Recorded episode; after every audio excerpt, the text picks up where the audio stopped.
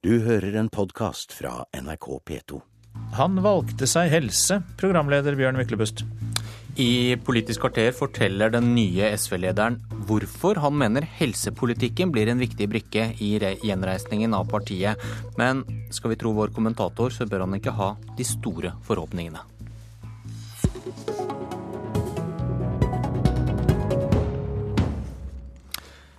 Audun Lysbakken har selv valgt seg helsepolitikken som utgangspunkt for stortingstilværelsen og sitt politiske prosjekt fremover. Her er hans forklaring. Det er fordi eh, kampen om velferdsstaten eh, de neste årene i stor grad kommer til å stå i helse- og omsorgssektoren. Det er hvorvidt vi klarer å lage helse- og omsorgstjenester i offentlig regi som er så gode eh, at folk ikke istedenfor vil eh, søke seg til private helseforsikringer, private kommersielle løsninger, som vil avgjøre om vi klarer å beholde en solidarisk velferdsmodell, eller får en modell der det mer og mer blir folks egen lommebok som er avgjørende. Men hvorfor har mange private helseforsikringer i dag, da? Det er jo sånn at vi lever i et land der eh, flere og flere av oss har eh, god råd. Eh, mange vil ha råd til å betale for private alternativer hvis de opplever at det offentlige tilbudet ikke er godt nok. Og Det betyr at det er helt avgjørende at folk møter en kvalitet og får det tilbudet de trenger, og at tilgangen på helsetjenester fordeles likt mellom ulike grupper i samfunnet vårt. Der er vi ikke i dag, selv om det har skjedd mye positivt eh, under den rød-grønne regjeringen, så har vi en lang vei å gå. Og Den store risikoen er jo at flere velger å betale seg ut, og dermed også eh, viljen til å betale for et helsesystem for alle forsvinne. Taperne da vil være de som ikke har råd til å betale for gode private løsninger. Men du kan ikke forby private helseforsikringer? Nei, det er ikke målet heller. Målet er å gjøre kommersielle løsninger unødvendig og eh, gjøre ineffektive løsninger overflødig. Eh, og for mye private forsikringer og kommersielle innslag det er både samfunnsøkonomisk lite effektivt, og det er ikke eh, noe bra hvis målet er et samfunn der helsevesenet bidrar til rettferdighet og utjevning. Hva er skillelinjene mellom SVs helsepolitikk og Arbeiderpartiets helsepolitikk? Altså For det første så har vi mange viktige kamper å kjempe sammen mot høyresiden, mot kommersialisering av helse- og omsorgssektoren. Men det er også saker som skiller oss, og det er et uh, klart og tydelig rom også til venstre for Arbeiderpartiet i, i, helsepolitikken. En av de viktige prosessene vi er i gang med i SV, er å utforme vårt alternativ til Eh, den såkalte foretaksmodellen i eh, spesialisthelsetjenesten.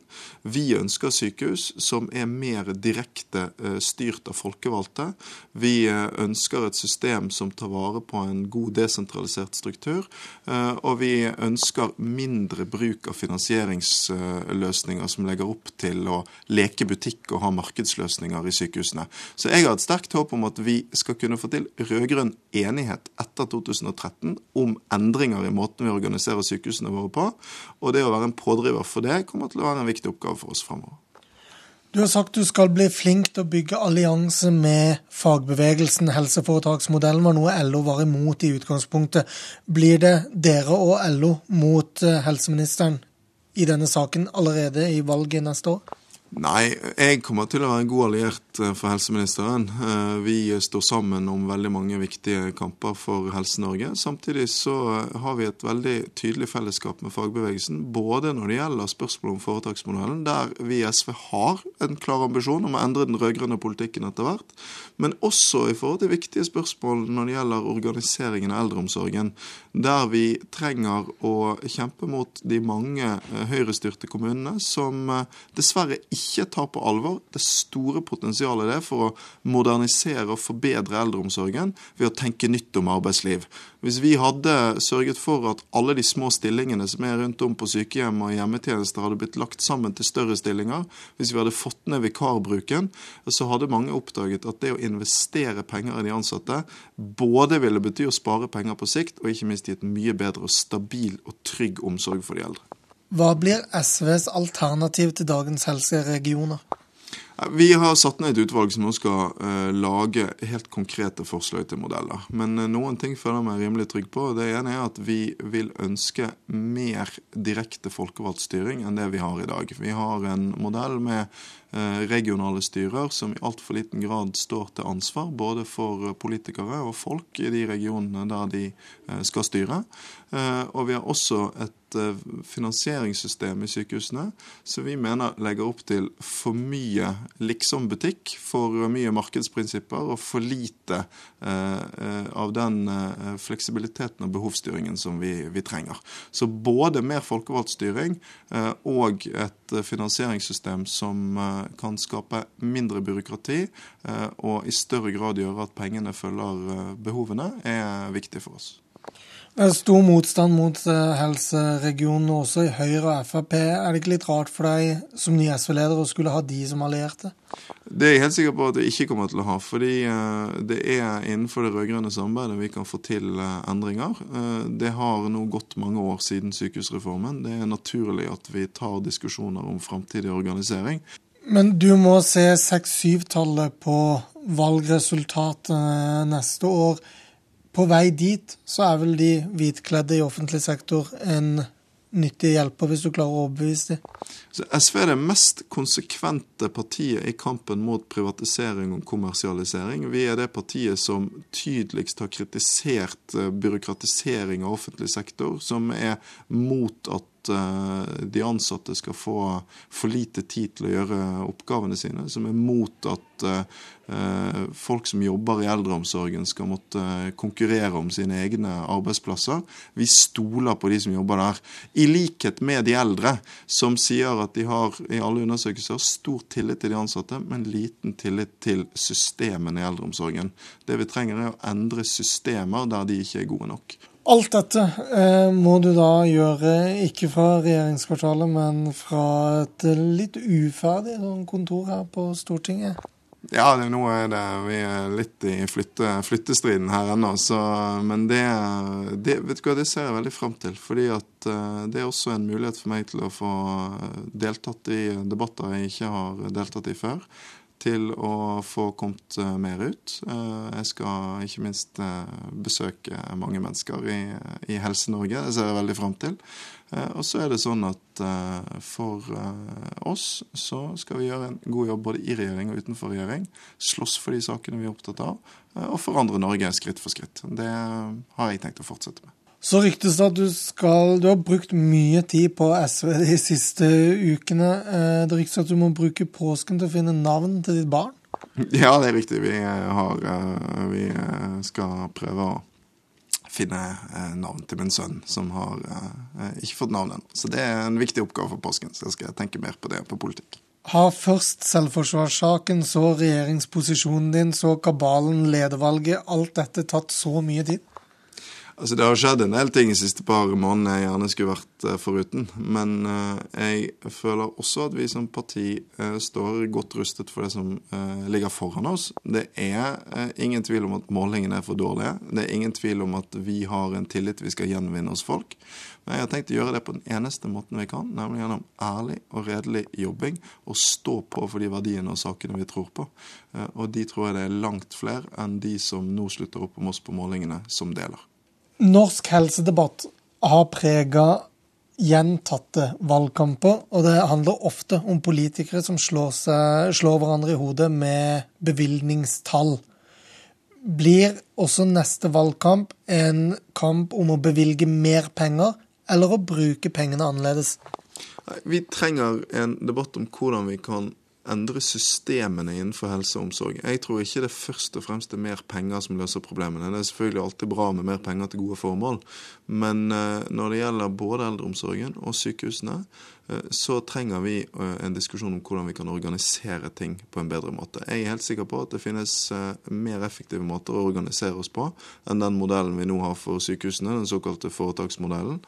Og jeg tror det er enormt mye å hente på bedre grunnbemanning, eh, mindre bruk av små stillinger, mindre vikarbruk i eldreomsorgen, som faktisk kunne lønne seg hvis man turte å gjøre de investeringene. Det å ruste opp den offentlige velferdsstaten til det nivået du vil ha den på, blir ikke så dyrt at det du egentlig sier, er at du må øke skattene ganske fort? Så SV er for at vi skal ha handlefrihet i skattepolitikken. Når folk blir rikere, så kan det være klokt at også det offentlige får muligheten til å holde tritt. Men det er ikke sånn at hovedsvaret på utfordringene i helse og omsorg er mer penger. Hovedsvaret er svært ofte bedre organisering for å få mer ut av eh, alle de ressursene vi allerede har. Eh, derfor så eh, kommer noe av det viktigste for meg til å være å dra i gang debatter om hvordan vi skal organisere sykehusene fremover. Hvordan vi skal få bukt med for mye markedstenkning i helsevesenet vårt. Og hvordan vi skal få bukt med et arbeidsliv i deler av offentlig sektor som gjør at folk eh, jobber ufrivillig deltid, små stillinger, vikarbruken er for høy. Det mener jeg er hovedutfordringene nå. Det var Audun Lysbakken i samtale med reporter Lars Nehru Sand. Politisk kommentator i NRK, Magnus Takvam. Hvorfor velger Lysbakken helsepolitikken? Det er et ledd i det man kaller fornyelse. Eh, vi har sett at eh, de har skiftet ut mannskap i regjering eh, i den sammenheng for å få et generasjonsskifte utad, nye frontfigurer. Og også at partiet mener at på den krisen partiet er inne i nå når det gjelder oppslutning blant velgerne, krever eh, også en fornyelse i måten de profilerer seg på. Det holder ikke lenger bare å snakke om miljø og skole. og Derfor tror jeg man også vil prøve å liksom framstå som et nytt parti med nye satsingsområder. Det er en del av forklaringen. Men så ville han vinne fagforeningsmedlemmene, og hvorfor velger han seg det ikke da arbeidskomiteen? På det området har partiet fra før en, en, profilert eh, talsperson, Karin Andersen, som har troverdighet på dette feltet. Og da var det mer naturlig for, for, den nye lederen å velge seg ut det brede området i velferdsstaten, altså helse- og omsorgspolitikken, skolere seg på det, kunne være med i debatter, profilere seg og partiet på det området. Og det er jo også slik at det har selvfølgelig berøringspunkter med den delen av fagbevegelsen der SV kanskje har mest å hente, nemlig lavtlønte kvinner i omsorgssektoren i Fagforbundets, muligens også Sykepleierforbundets uh, områder. Men hva er forskjellen på SV og Arbeiderpartiet i helsepolitikken? Ja, Hva er forskjellen på SV og alle de andre partiene i helsepolitikken, kan man kanskje si. Det er jo selvfølgelig utfordringen. At her har alle partier skjønt at det er viktig å være, fordi det er det området stort sett velgerne er mest opptatt av. Så det er ikke så lett å svare på. Alle er opptatt av en god helse- og velferdspolitikk og omsorgspolitikk. Så det er, det er eh, dristig å tro, og en illusjon å tro, at SV skal på en måte kunne svinge opp med de andre partiene når det gjelder sakseierskap og det på, på kort tid. Det tror jeg heller ikke de, de har illusjoner om sjøl. Han nevner kampen mot foretaksmodellen, men eh, når det gjelder privatisering, så er vel Arbeiderpartiet også skeptisk til for store private innslag? Ja, og der er det jo veldig uklart hva alternativet til foretaksmodellen er, selv om Lysbakken snakker om mer innslag av folkevalgt styring. Eh, hvis, han, måte, hvis man skal ta det bokstavelig, og liksom at man skal føre politikken tilbake til departementet og til politikerstyring, så er det en, en fåfeng kamp. Der kommer han til å få Arbeiderpartiet mot seg like mye uh, som, som, andre. sånn at i så fall blir det en kamp mot vindmøller. Så jeg, jeg tror det mer er at de søker etter alternative løsninger og, og ikke har dette klart ennå. Disse nye grepene han nå har tatt, er det svaret på SVs utfordringer? Nei, det er det selvfølgelig ikke. Og jeg tror uh, Eh, den nye partiledelsen også innser at dette blir, fram mot valget på kort sikt i hvert fall, en kamp mot sperregrensen. Eh, jeg tror det store problemet selvfølgelig for et parti av SVs type, som et, har vært et samfunnskritisk opposisjonsparti og har skilt seg ut for velgerne som et venstreorientert parti, dette med å ha vært åtte år eventuelt da i regjering, gjør at partiets profil er visket ut, og at de også på en måte er kommet inn i en sånn teknokratisk kvern og ikke lenger framstår som Eh, et gjenkjennelig samfunnskritisk parti. Og det er ikke så lett å, å løse i en fei. Takk, politisk kommentator i NRK, Magnus Takvam. Og dette er Lysbakkens utgangspunkt som du kan lese i Dagens Næringsliv. Et gjennomsnitt av ti meningsmålinger i mars viser at SV har 4,4% av velgerne bak seg. Du har hørt en podkast fra NRK P2.